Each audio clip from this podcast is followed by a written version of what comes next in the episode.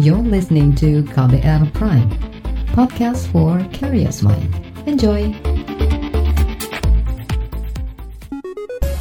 Saatnya Anda dengarkan Ruang Publik KBR yang dipersembahkan oleh Save the Children. Halo, selamat pagi. Bertemu lagi di Ruang Publik KBR bersama saya Ines Nirmala di hari Senin 23 November 2020. Apa kabar Anda? Pagi hari ini, Ruang Publik KBR dipersembahkan oleh Save the Children membahas tema stigma COVID-19. Kita bisa apa? Nah, saudara, di bulan November ini kita memang memperingati Hari Anak Internasional di setiap tanggal 20 November 2020. Pada tahun 1989, pemerintah di seluruh dunia mengadopsi konvensi ini, termasuk di Indonesia, dan salah satu penggagas naskah konvensi adalah Eglantine Jeb yang juga menggagas organisasi hak anak 100 tahun lalu.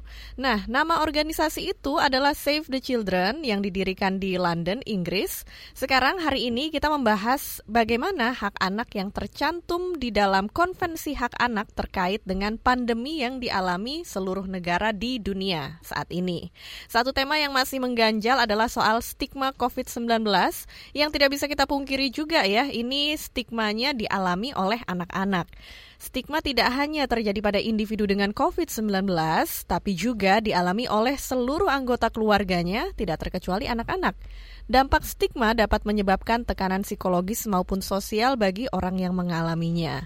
Seiring dengan peningkatan kasus orang terinfeksi COVID-19 di Indonesia, pencegahan COVID-19 terus digalakan dan begitu juga dengan stigma dengan anti stigma COVID-19. Untuk itu bagaimana kita bisa mencegah akan kasus stigma COVID-19 dan bagaimana dampaknya bagi anak-anak dengan adanya stigma tersebut. Kita akan perbincangkan lebih dalam soal ini di ruang publik KBR. Sekarang saya sudah bersama dengan dua orang narasumber yang pagi hari ini terhubung secara online. Langsung saja kita sapa Bapak Zubaidi Koteng dari Save the Children sebagai spesialis perlindungan anak. Selamat pagi Pak Zubaidi. Selamat pagi Mbak Ines, selamat pagi pemirsa uh, eh, KBR yang iya. berbahagia. Gimana kabarnya Pak pagi ini? Alhamdulillah uh, sehat-sehat. Iya, mudah-mudahan sehat selalu ya. Saya juga amin, amin. Amin. Saya juga mau menyapa Bapak Dr. Andes Dadang A. Sapardan MPD, Kepala Bidang SMP Disdik Kabupaten Bandung Barat. Selamat pagi Pak Dadang. Selamat pagi Mbak Ines, selamat pagi semua pemirsa KBR. Iya. Semoga kita selalu diberi kesehatan. Semoga ya kita selalu diberi kesehatan ya karena sangat berarti kesehatan apalagi di masa pandemi ini ya, ya. Pak ya. Senang ya. sekali Pak Zubedi dan Pak Dadang bisa bergabung di ruang publik KBR hari ini dan langsung saja kita membahas seputar tema kita pagi hari ini stigma COVID-19. Kita bisa apa? Nah, ini saya mau ke Pak Dadang dulu selaku Disdik dari Kabupaten Bandung Barat. Saat ini kan kita sudah sekitar 8 bulan ya mengalami pandemi COVID-19 ini sejak pemerintah kita juga mengumumkan kasus COVID-19 pertama di Indonesia itu bulan Maret 2020 ini. Tidak bisa dipungkiri adanya stigma pada orang yang terkena COVID. Nah, gimana nih Pak Dadang, apa sebenarnya stigma terhadap orang dengan COVID-19? Ya, terima kasih Mbak Agnes. Memang stigma COVID ini terus menghantui masyarakat, menghantui juga terhadap siswa-siswa di Kabupaten Bandung Barat, bahkan siswa di seluruh Indonesia. Bahwa dalam konsep kehidupan sosial, stigma negatif atau stigma itu dimaknai sebagai pandangan orang yang menilai negatif pada seorang. Sehingga dengan adanya stigma ini kadang-kadang saya melihat saya melihat bahwa anak ataupun orang tua siswa itu ada ada paranoid dengan uh, adanya pandemi COVID ini karena memang secara itu mengganggu apa hal-hal yang berkaitan dengan psikologi dan sosial. Mungkin itu yang bisa saya sampaikan. Iya. Nah, kalau Pak Zubedi dari Save the Children, ini kan memang ada stigma terhadap orang yang terkena atau terinfeksi COVID-19. Apa yang seharusnya kita lakukan melihat atau bahkan merasakan stigma COVID-19? Sebenarnya banyak hal yang uh, perlu kita pahami uh, dari situasi pandemik ini, terutama pada anak-anak ya.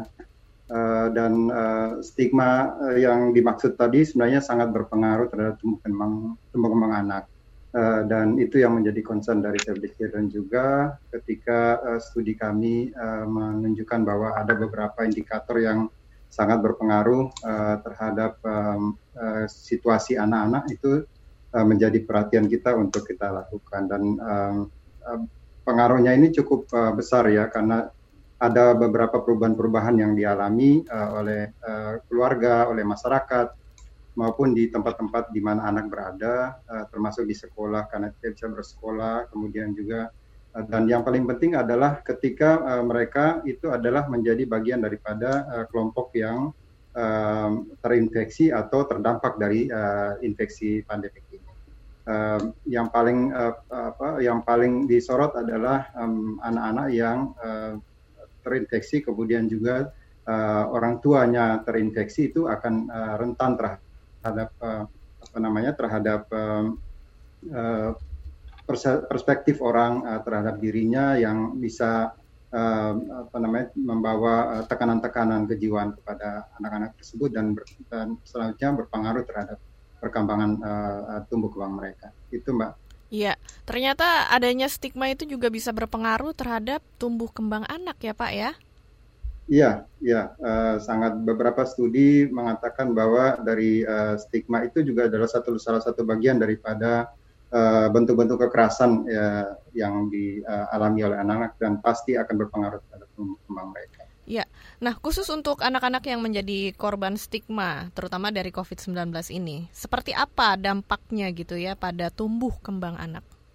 Bisa saja meng, uh, menimbulkan uh, gangguan stres ya, kita sebutkan uh, distress ya, um, termasuk juga uh, beberapa kondisi-kondisi uh, distress yang uh, dialami itu tergantung daripada um, apa namanya uh, usia dan perkembangan mereka dari beberapa studi uh, sebenarnya um, bisa saja dari gejala ringan misalnya cemas, kemudian uh, tidak punya keinginan untuk uh, ber, uh, melakukan hal-hal uh, yang uh, rutin misalnya, kemudian juga susah tidur, kemudian uh, bisa jadi perilakunya menjadi uh, regresi misalnya, itu uh, di beberapa an, uh, anak-anak di, uh, di, di usia uh, 12 tahun uh, ke bawah. Tetapi mm. kalau misalnya kalau di 12 tahun ke atas itu bisa saja mempengaruhi uh, apa konsentrasi mereka, kemudian uh, bisa juga menimbulkan uh, pengalaman traumatis yang jika tidak diatasi itu akan uh, berlanjut kepada uh, apa namanya tekanan-tekanan traumatis atau pengalaman traumatis yang bisa ber, uh, berpengaruh di kemudian hari. Iya. Yeah. Oke, sekarang saya ke Pak Dadang selaku uh, Kepala Bidang SMP dari Disdik Kabupaten Bandung Barat. Ini Pak Dadang dalam kesehariannya mungkin uh, banyak juga berhadapan dengan pelajar-pelajar di Kabupaten Bandung ya Pak ya. Ini ya. kalau Pak Dadang melihat gitu ya, apa dampaknya terhadap anak atau orang yang mengalami stigma atau labeling tersebut? Ya itu eh, saya kira apa yang disampaikan oleh Pak Zubaidi betul juga. Memang dampaknya secara psikologis dan sosial akan berdampak pada itu. Terus bagi anak-anak juga bisa berakibat menurunnya daya kemampuan ke, atau keinginan untuk belajar. Nah eh, lab, atau stigma ini memang agak agak ini agak harus harus menjadi perhatian lebih Agnes Ines karena memang kita kemarin baru dapat uh, edaran bahwa mulai awal Januari ini siswa se Indonesia itu mulai boleh masuk ke sekolah oh. untuk semester 2. Sehingga ini harus benar-benar diberi sosialisasi yang lebih sehingga uh, mereka sudah siap ketika satu ketika mudah-mudahan tidak satu ketika ada satu siswa atau beberapa siswa atau sekolah yang mau terkonfirmasi COVID-19 jadi saya sangat senang ketika malam hari ini kita ada diskusi, ada dialog dengan teman-teman dari Save Children, terutama Pak Jubaidi, untuk menyiapkan anak-anak kita, untuk menyiapkan keluarga kita, um, agar mereka siap ketika memang hal yang negatif terjadi saat bulan Januari, tepatnya kalau di Bandung Barat itu tanggal 11 Januari, mereka harus masuk walaupun dengan uh, protokol pembelajaran yang memang di, di apa di diketatkan. Ya. Mungkin itu Mbak ya. Ines. Jadi mulai Januari 2021 ya Pak ya, ini mulai tatap ya. muka di sekolah ya. Hmm, iya. iya. Kalau dari Dinas Pendidikan sendiri mungkin ada arahan atau imbauan langsung ke sekolah-sekolah atau ke guru-guru untuk uh, mensosialisasikan hal ini, Pak. Hmm. Uh, selama ini memang uh, yang kami kami konsennya di di ke ke ini belum belum begitu kuat kaitan dengan stigma negatif ini. Kami masih konsen di pola pembelajaran karena waktu apalagi awal-awal awal-awal kan guru belum siap dengan pembelajaran jarak jauh sehingga kami mentreatment mereka untuk mampu melakukan pembelajaran jarak, jauh baik melalui daring maupun luring. Tapi saat, sejalan dengan perkembangan yang terjadi saat ini ketika Kementerian Pendidikan dan Kebudayaan bersama tiga kementerian lain mengeluarkan SKB 4 Menteri yang e, membolehkan beberapa sekolah atau sekolah-sekolah di Indonesia untuk membuka berdasarkan kajian-kajian dari pemerintah kabupaten masing kabupaten kota masing-masing maka pemahaman terhadap bagaimana menyikapi stigma negatif ini sangatlah penting karena yang saya takutkan adalah adanya klaster-klaster baru di sekolah dan ini akan menjadi beban bagi kita semua, terutama anak-anak, ketika memang sekolah itu terkonfirmasi di satu sekolah itu terkonfirmasi ada yang terkena uh, eh, COVID-19.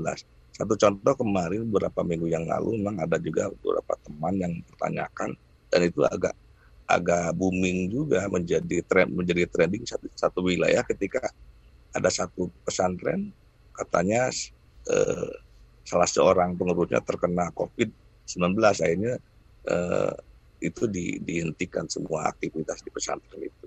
Mm-hmm. Mungkin ini yeah. tantangan bagi kita dengan Pak Jubaidi dengan semua pihak mm-hmm. bagaimana menyiapkan anak-anak kita keluarga keluarga dan keluarganya untuk siap siap menghadapi ketika sesuatu yang negat apa sesuatu yang jelek itu terjadi pada saat pembukaan sekolah. Iya. Itu bagi dinas. Betul. Nah, Pak Zubaidi, ini bagaimana upaya yang bisa kita lakukan untuk mencegah adanya stigma COVID-19? Ya, ya itu pertanyaan yang uh, penting ya untuk dijawab oleh semua orang uh, karena um, harus dipahami bahwa uh, memahami tentang dampak atau pengaruh uh, tekan-tekanan atau stigma yang dialami oleh seseorang atau dalam hal ini anak itu harus uh, di, um, uh, dilakukan secara seksama. Di Save the Children kami uh, punya pendekatan namanya uh, psychological first aid atau dukungan psikologis awal. Itu kita perlu untuk melihat kira-kira apa sih uh, yang terjadi pada seseorang anak, entah itu melalui uh, observasi, kemudian juga uh, apa namanya uh, diskusi dan lain-lain uh, dengan berbagai pihak, terutama terhadap anak tersebut. Nah, ketika uh, ada ada beberapa hal yang uh, perlu dipahami ya, misalnya pendekatan ini akan uh, di, menggunakan uh, apa uh, uh, tools yang namanya uh, look, listen, and uh, link. Uh, kita melihat, mengobservasi, kemudian kita mendengar keluh kesahnya, lalu kemudian kita juga berusaha untuk menghubungkan mereka dengan layanan-layanan uh, yang ada. Uh, dari uh, dari uh, aspek ini sebenarnya uh, ada um, ada bentuk-bentuk uh, pengaruh yang uh, atau efek yang di, di uh, perlu dicermati ya. Misalnya tadi yang uh, yang yang sederhana saja misalnya uh, timbul kecemasan ya terhadap anak. Itu uh, perlu adanya upaya-upaya uh, untuk uh, memberikan rasa aman ya, memberikan rasa aman, kemudian memperkuat uh, kendali dia dan mengurangi efek-efek yang melemahkan uh, uh, dia karena rasa takut Oke, sekarang kita jeda dulu sejenak, saudara. Kita akan kembali lagi ke ruang publik KBR setelah yang satu ini. Masih Anda dengarkan ruang publik KBR yang dipersembahkan Save the Children. Anda masih mendengarkan Ruang Publik KBR. Ada saya Ines Nirmala bersama dua orang narasumber yang terhubung dari Zoom, yaitu Bapak Zubeidi Koteng dari Save the Children selaku spesialis perlindungan anak dan Dr. Andes Dadang A. Sapardan MPD, Kepala Bidang SMP Disdik Kabupaten Bandung Barat. Kita masih membahas tema yaitu stigma COVID-19, kita bisa apa? Siaran Ruang Publik KBR hari ini dipersembahkan oleh Save the Children. Saya kembali lagi ke Pak Zubedi. Ini tadi agak terputus Pak ketika Bapak sedang menjelaskan bagaimana cara untuk mencegah, upaya untuk mencegah stigma COVID-19. Bisa dilanjutkan lagi mungkin Pak Zubedi. Yang paling penting adalah uh, memahami uh, apa uh, dampak yang uh, terjadi pada seseorang atau anak dan uh, kita, tadi uh, saya menyampaikan ada langkah uh, sederhana misalnya kita harus melihat mengobservasi kemudian mendengar langsung uh, keluh kesahnya dan juga mencoba untuk menghubungkan uh, dirinya dengan layanan-layanan uh, yang ada. Uh, nah itu uh, yang penting adalah uh, kalau sudah memahami itu kita harus melakukan upaya-upaya pemulihan ini adalah langkah yang uh, yang penting. Uh, pemulihan itu tergantung daripada gejala-gejala uh, yang dialami. Yang tadi saya menyampaikan uh, sederhana, misalnya rasa cemasnya dia. Uh, jika timbul rasa cemas, rasa takut, kita harus ya, juga bisa membangun uh, rasa percaya diri dia. Uh, tetapi kemudian kalau uh, hal itu sudah berimbas pada uh, depresi atau gangguan stres, itu harus ada upaya-upaya yang lebih uh, intensif untuk uh, uh, mendukung uh, dirinya untuk bisa uh, uh, menghubungkan dengan uh, apa namanya lingkungan-lingkungan uh, yang uh, yang bisa membangun uh, apa namanya ke, ke, ke, kekuatan dirinya dan juga kepercayaan dirinya uh, dan juga uh, apa namanya mencoba untuk meng, uh, menghubungkan dengan layanan-layanan yang dianggap penting ya termasuk uh, peran dari seorang psikolog misalnya itu uh, yang harus di, uh, dilakukan oleh kita semua. Iya, baik. Ada juga pertanyaan yang uh, datang dari pendengar kita, Amin di Yogyakarta. Ini tadi Amin uh, bergabung lewat telepon ya, dan Amin ini bertanya seperti apa seharusnya sikap orang tua terhadap anak yang mengalami stigma. Oke, tapi sebelumnya kita juga bisa angkat dulu ada telepon yang masuk. Halo, Selamat pagi. Pagi. Iya. Pak Amin dari Jogja ya? Betul. Iya, Pak Amin, apa nih pertanyaannya? Ya, saya mau tanya yang kepada uh, narasumber yang pelindungan anak. Uh, ini kan mengenai anak yang uh, sekolah daring. Ini kan belum lama ada terjadi uh, kayak depresi gitu karena dia kebanyakan tekanan pelajaran. Di samping itu dia itu terancam oleh guru kalau uh, kamu nggak uh, mau uh, mempelajari pelajaran atau mem, me, membahas belajar untuk belajar untuk diisi itu dia kalau kamu nggak belajar soalnya nggak dibikin nanti kamu nggak tugasnya nggak dibikin nanti kamu tidak boleh ikut ulangan nah itu anak jadi terus dia depresi terus juga dari orang tua juga banyak tekanan-tekanan terlalu dimarahin dimarahin terus gitu kadang-kadang orang tua juga kadang-kadang ada kekerasan Nah ini kan ada terjadi kemarin dia menjadi anak itu stres dan bunuh diri. Nah itu bagaimana dari perlindungan anak? Mohon orang tua dan guru itu harus bisa uh, jangan terlalu keras mendepresikan anak jadi depresi gitu. Bagaimana cara merangkul gitu aja. Terima ya, kasih. Assalamualaikum. Baik. Terima kasih Pak Amin di Jogja. Bisa langsung ditanggapi oleh Pak Zubedi Koteng dari Save the Children. Terima kasih. Uh, pertanyaan yang sangat bagus.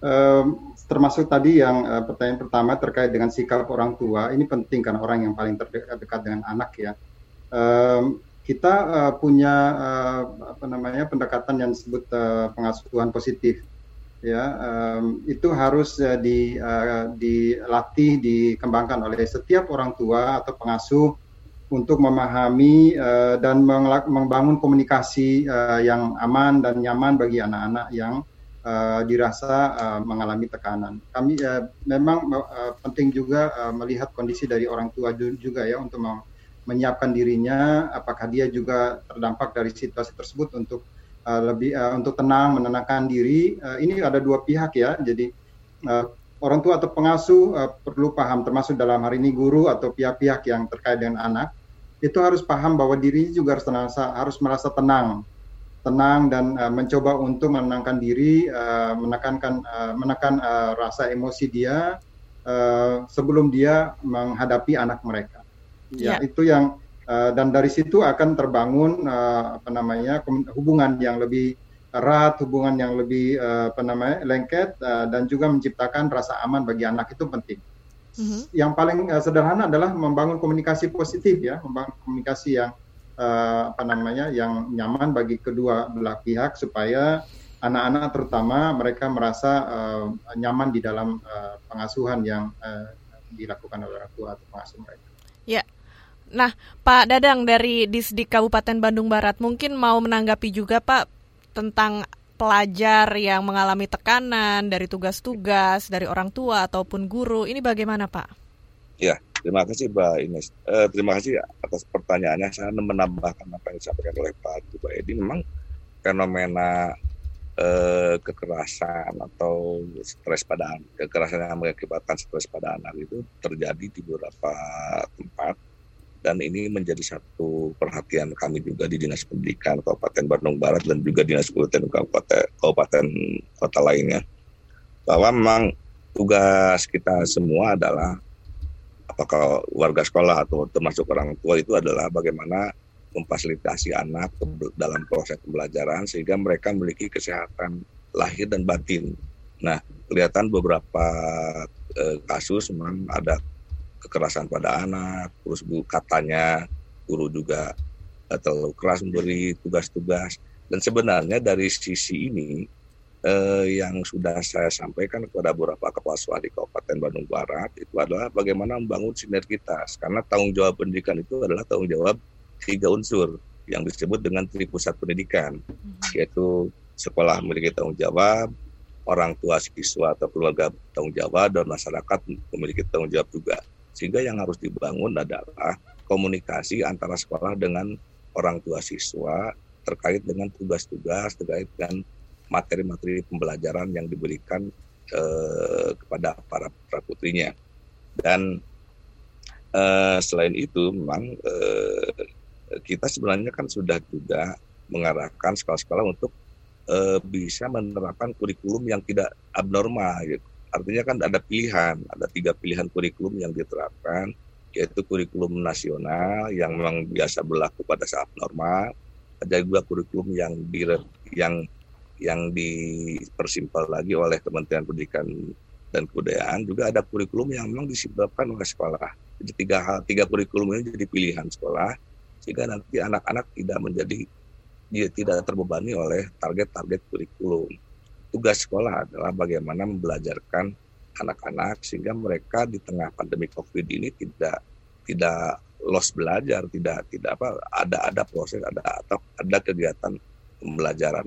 Hanya catatannya Mbak Ines, Pak Jubaidi, mungkin uh, ini juga tidak terlepas dari uh, apa ya kadang-kadang ada karakter orang tua karakter orang tua yang ingin anak-anaknya itu selesai tugasnya, selesai pekerjaannya. Padahal tidak demikian dalam metodik dan didaktik itu anak itu anak-anak adalah proses pembelajaran. Apakah mereka salah ya wajar saja mereka mereka salah gitu.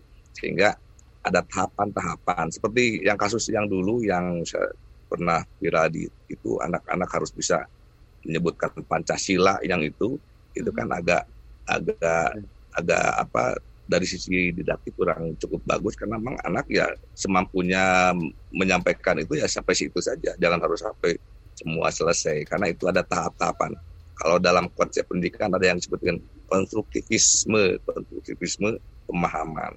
Sehingga yang saya harapkan hari ini adalah dengan beberapa teman kepala sekolah guru-guru adalah bagaimana menjaga satu ritme pembelajaran yang baik yang di antaranya mengaitkan ritme itu agar terjamin kesehatan lahir batin dari semua pihak, anak-anak, orang tua, guru dan lain-lain. Itu mungkin Mbak Ines dan ya. Pak Amin. Ya.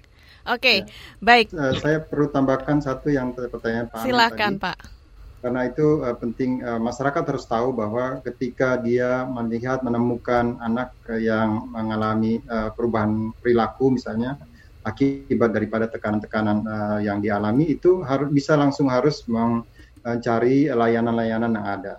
Uh, mm-hmm. Yang yang saya uh, dapatkan informasi itu misalnya layanan psikologis itu tidak harus uh, khawatir ya misalnya atau malu untuk menjangkau layanan-layanan uh, hotline seperti itu ada di bisa di Google dan uh, Save the Children kalau di wilayah binaan kita kita juga membuka hotline untuk uh, menjawabi persoalan-persoalan itu uh, yang uh, dengan, dengan bentuk konseling ataupun nanti kita akan merujuk kepada layanan uh, tingkat atas yang lebih diperlukan lagi. Iya.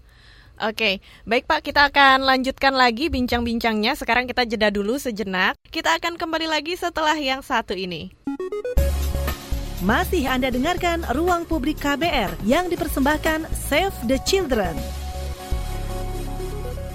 Anda masih mendengarkan Ruang Publik KBR bersama saya Ines Nirmala. Dan pagi hari ini tema yang kita bahas adalah stigma COVID-19, kita bisa apa? Siaran Ruang Publik KBR hari ini dipersembahkan oleh Save the Children dan saya juga masih bersama dengan dua orang narasumber yaitu Bapak Zubedi Koteng dari Save the Children selaku spesialis perlindungan anak dan juga Bapak Dr. Andes Dadang Sapardan MPD Kepala Bidang SMP Disdik Kabupaten Bandung Barat. Nah, saya mau ke Pak Zubedi yang sebelumnya di sesi sebelumnya kita sudah membahas tentang tekanan yang dialami oleh anak-anak ya, baik karena itu pelajaran sekolah yang sekarang lewat daring sampai dengan adanya stigma COVID-19 dan Pak Edi tadi juga menyebutkan perlunya ada dukungan psikososial. Nah, ini bisa dijelaskan dukungan psikososialnya itu apa dan bagaimana nih dengan adanya dukungan psikososial ini bisa membantu melawan stigma COVID-19? Upaya untuk memahami uh, kondisi seseorang atau anak dan juga mengidentifikasi kebutuhan-kebutuhannya uh, serta melakukan upaya-upaya langkah-langkah uh, untuk pemulihan. Uh, dukungan psikososial ini uh, bisa berupa uh, banyak hal yang uh, dilakukan.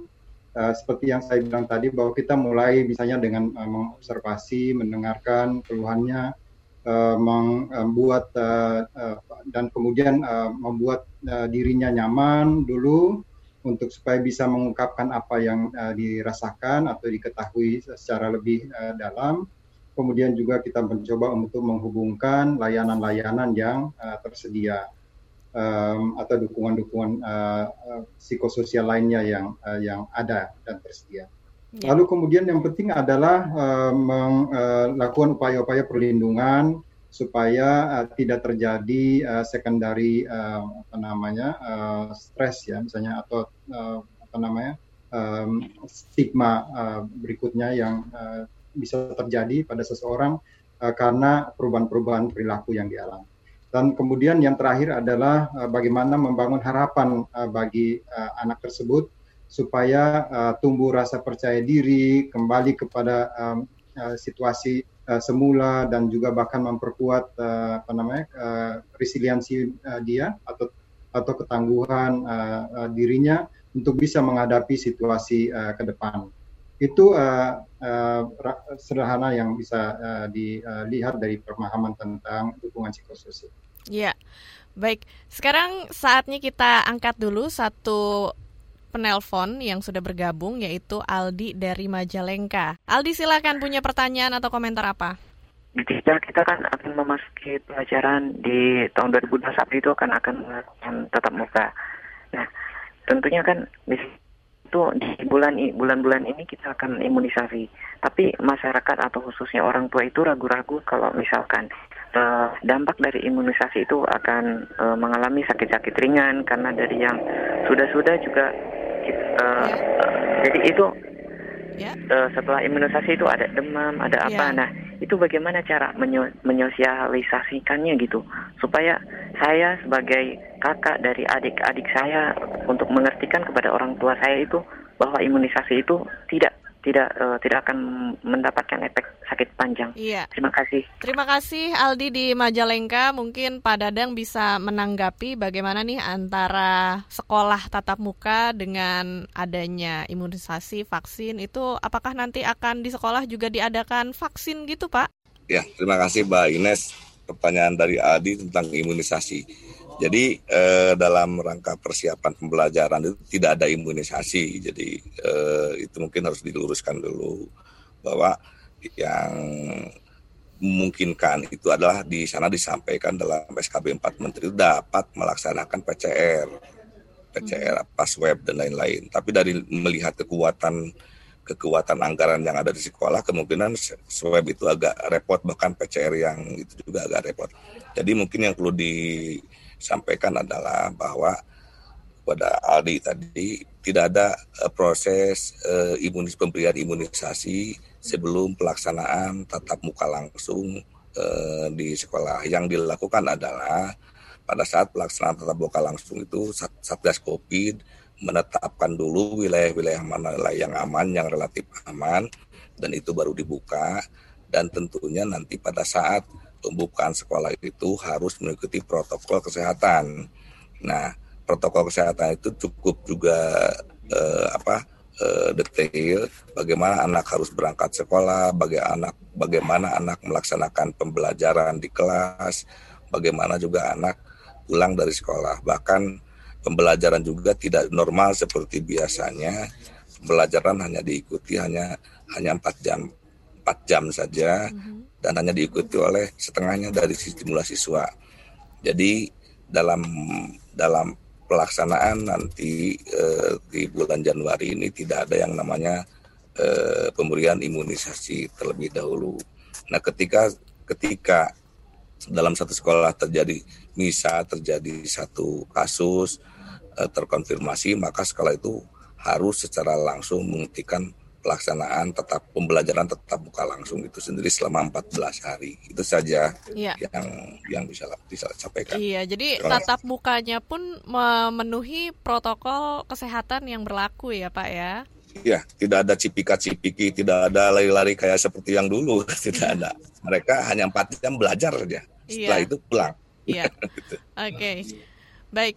Juga ada pertanyaan yang sudah masuk lewat chat di channel YouTube kita, Ine Valentin. Ini uh, menulis kalau uh, Ine ini adalah guru di sekolah dasar dan juga punya anak SD juga.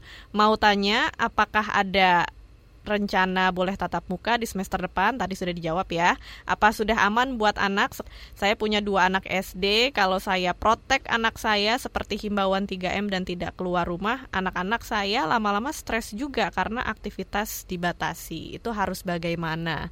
Mungkin Pak Zubedi dari Save the Children bisa membantu untuk menjawab. Ya, um, ini penting uh, untuk dia pahami oleh setiap orang tua atau uh, pengasuh ya um, ada beberapa uh, apa namanya upaya-upaya yang bisa dilakukan untuk uh, menghilangkan uh, atau mengurangi uh, kejenuhan anak. Um, yang paling penting adalah mengajak mereka untuk melakukan kegiatan-kegiatan yang uh, rekreatif sifatnya, karena uh, rekreasi itu adalah juga bagian daripada hak anak uh, yang harus uh, diperhatikan sederhana mungkin uh, orang tua harus menyiapkan waktu juga untuk uh, bermain bersama hal-hal yang disukai oleh anak-anak tersebut uh, dengan uh, protokol yang uh, yang dijaga ya yang tadi disebutkan itu. Uh, dan juga ada pilihan-pilihan uh, permainan-permainan yang bisa di, uh, didapatkan dari uh, apa namanya sumber-sumber uh, informasi yang jelas dan uh, sekaligus yang uh, menjawab um, concern yang tadi itu bahwa uh, kita harus mencoba untuk mengurangi kecemasan-kecemasan uh, yang uh, di, uh, yang terjadi itu dengan uh, memberikan informasi yang benar. Orang tua juga harus mencari informasi yang benar dari sumber yang benar. Itu penting uh, supaya jangan menimbulkan uh, kecemasan baru dan uh, salah informasi yang menimbulkan uh, situasinya menjadi tambah uh, berat bagi seseorang anak. Itu yang uh, dan kita ada punya beberapa hal yang bisa di uh, ditawarkan juga nanti bisa dihubungi uh, Save the Children untuk melihat atau memahami beberapa upaya-upaya um, yang uh, bisa dilakukan oleh seseorang uh, terhadap anak-anak mereka supaya bisa mengurangi kejenuhan uh, di rumah. Juga ada komentar lainnya dari chat YouTube kita, ada Eka Lestari. Ini berkata kalau stigma muncul karena ada ketakutan dan kurang edukasi.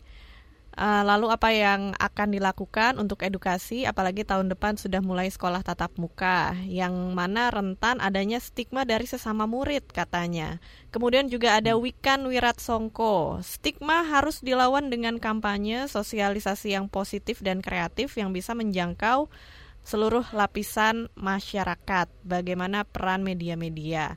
Oke, mungkin Pak Dadang dari Disdik Kabupaten Bandung Barat mau menanggapi? Ya, terima kasih Mbak Ines.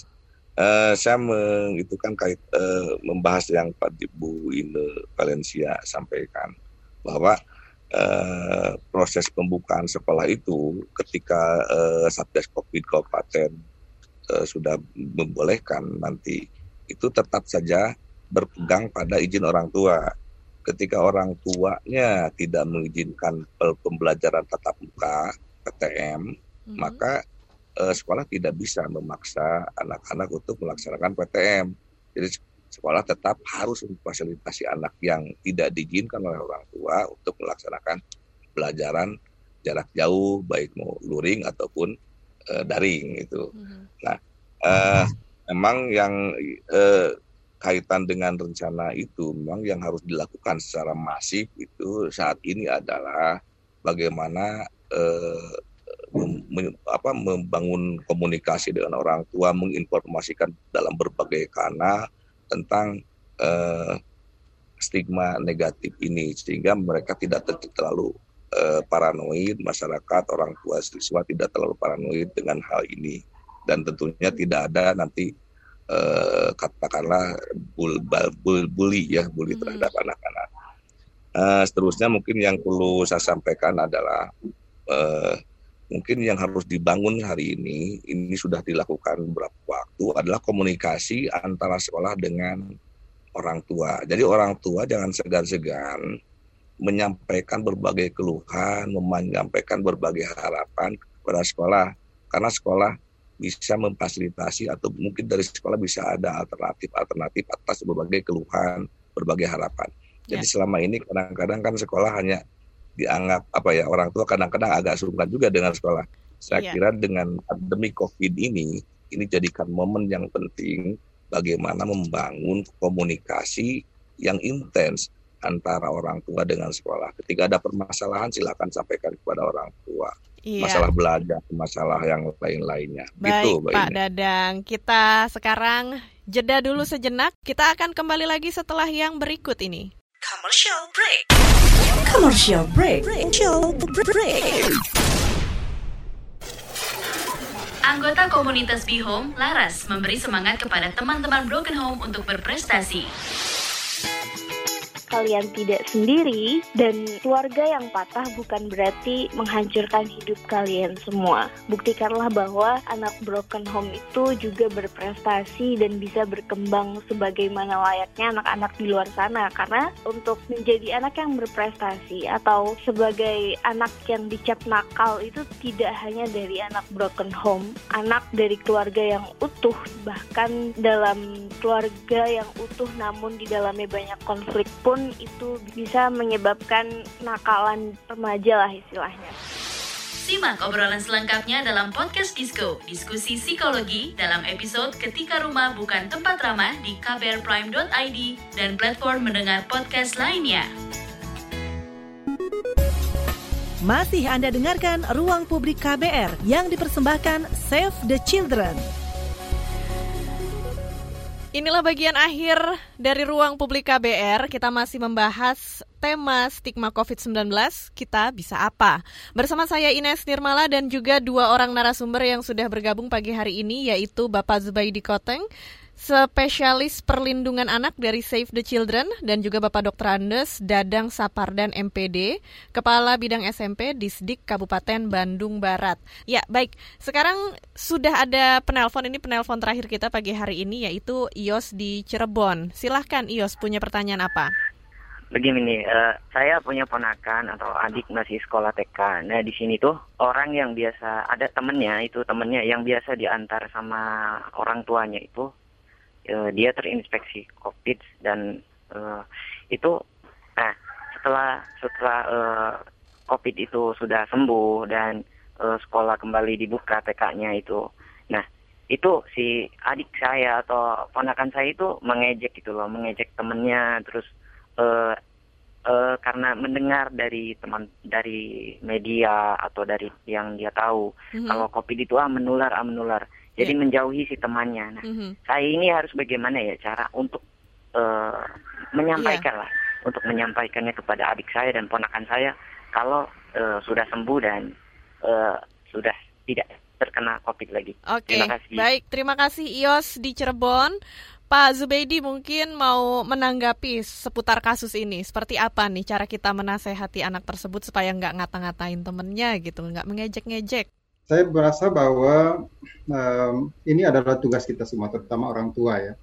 Memperkuat um, resiliensi anak itu juga berarti bahwa memahamkan mereka tentang uh, sifat-sifat baik yang harus ditumbuhkan kepada mereka um, apa namanya uh, sikap-sikap positif yang ditunjukkan oleh orang tua itu juga bisa di uh, apa bisa di uh, akan dituri oleh anak. Jadi ini sebenarnya juga um, ada uh, pihak orang tua atau pengasuh juga yang uh, yang berperan ya untuk menumbuhkan apa namanya uh, rasa empati, uh, rasa uh, simpati mereka itu uh, harus diajarkan supaya mereka tidak hanya um, apa namanya tangguh secara pribadi untuk menghadapi uh, tekanan dirinya, tapi juga bisa mewujudkan di dalam sikap dan perilaku terhadap orang lain dengan menemukan empati tersebut. Itu yang kita sebutkan resiliensi. Jadi uh, ini bisa di uh, bisa dibiasakan, uh, diajarkan, dipelajari oleh uh, semua orang. Uh, informasinya cukup banyak dan uh, Save the Children juga punya informasi untuk ini jika memang uh, bisa mau mengakses untuk uh, memahami uh, apa namanya bagaimana menunjukkan rasa empati dan simpati uh, seseorang anak uh, kepada teman uh, sebayanya dia. Iya. Oke, bagaimana kalau Pak Dadang mungkin mau menanggapi pesannya untuk anak sekaligus orang tua tentang uh, apa mencegah anak melakukan stigma ke anak lain?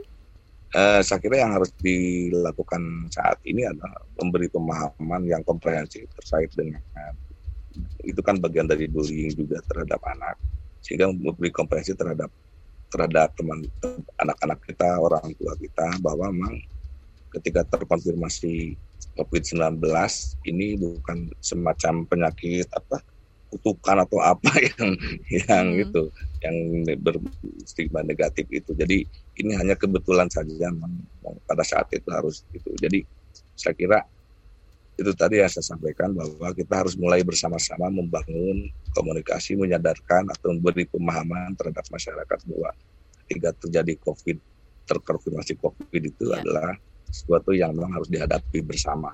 Itu sudah bagi. Iya, oke, okay. Pak Zubedi. Tadi kan Pak Zubedi juga menyarankan uh, untuk menghadapi stigma ini ada hotline atau tempat mengadu yang bisa dihubungi. Mungkin Pak Zubaidi punya informasi nomor hotline-nya atau bisa dihubungi lewat uh, website kah atau lewat sosial media bagaimana Pak? Kalau di uh, Save the Children kami membuka layanan uh, dukungan psikososial awal, psikologis awal itu uh, bisa menghubungi di 0811 uh, 81 uh, 939 77.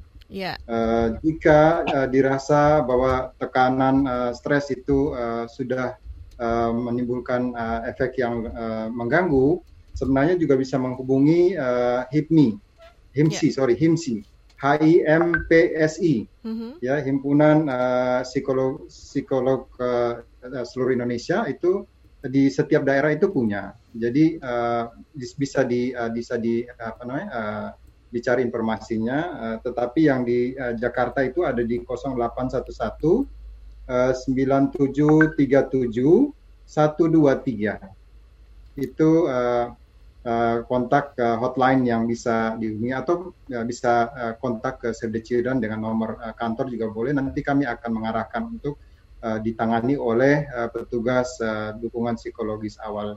Iya. uh, untuk uh, mengidentifikasi kebutuhan. Oke, jadi ada nomor teleponnya tadi sudah disebutkan oleh Pak Zubedi di 0811 81 939 77 ya Pak ya.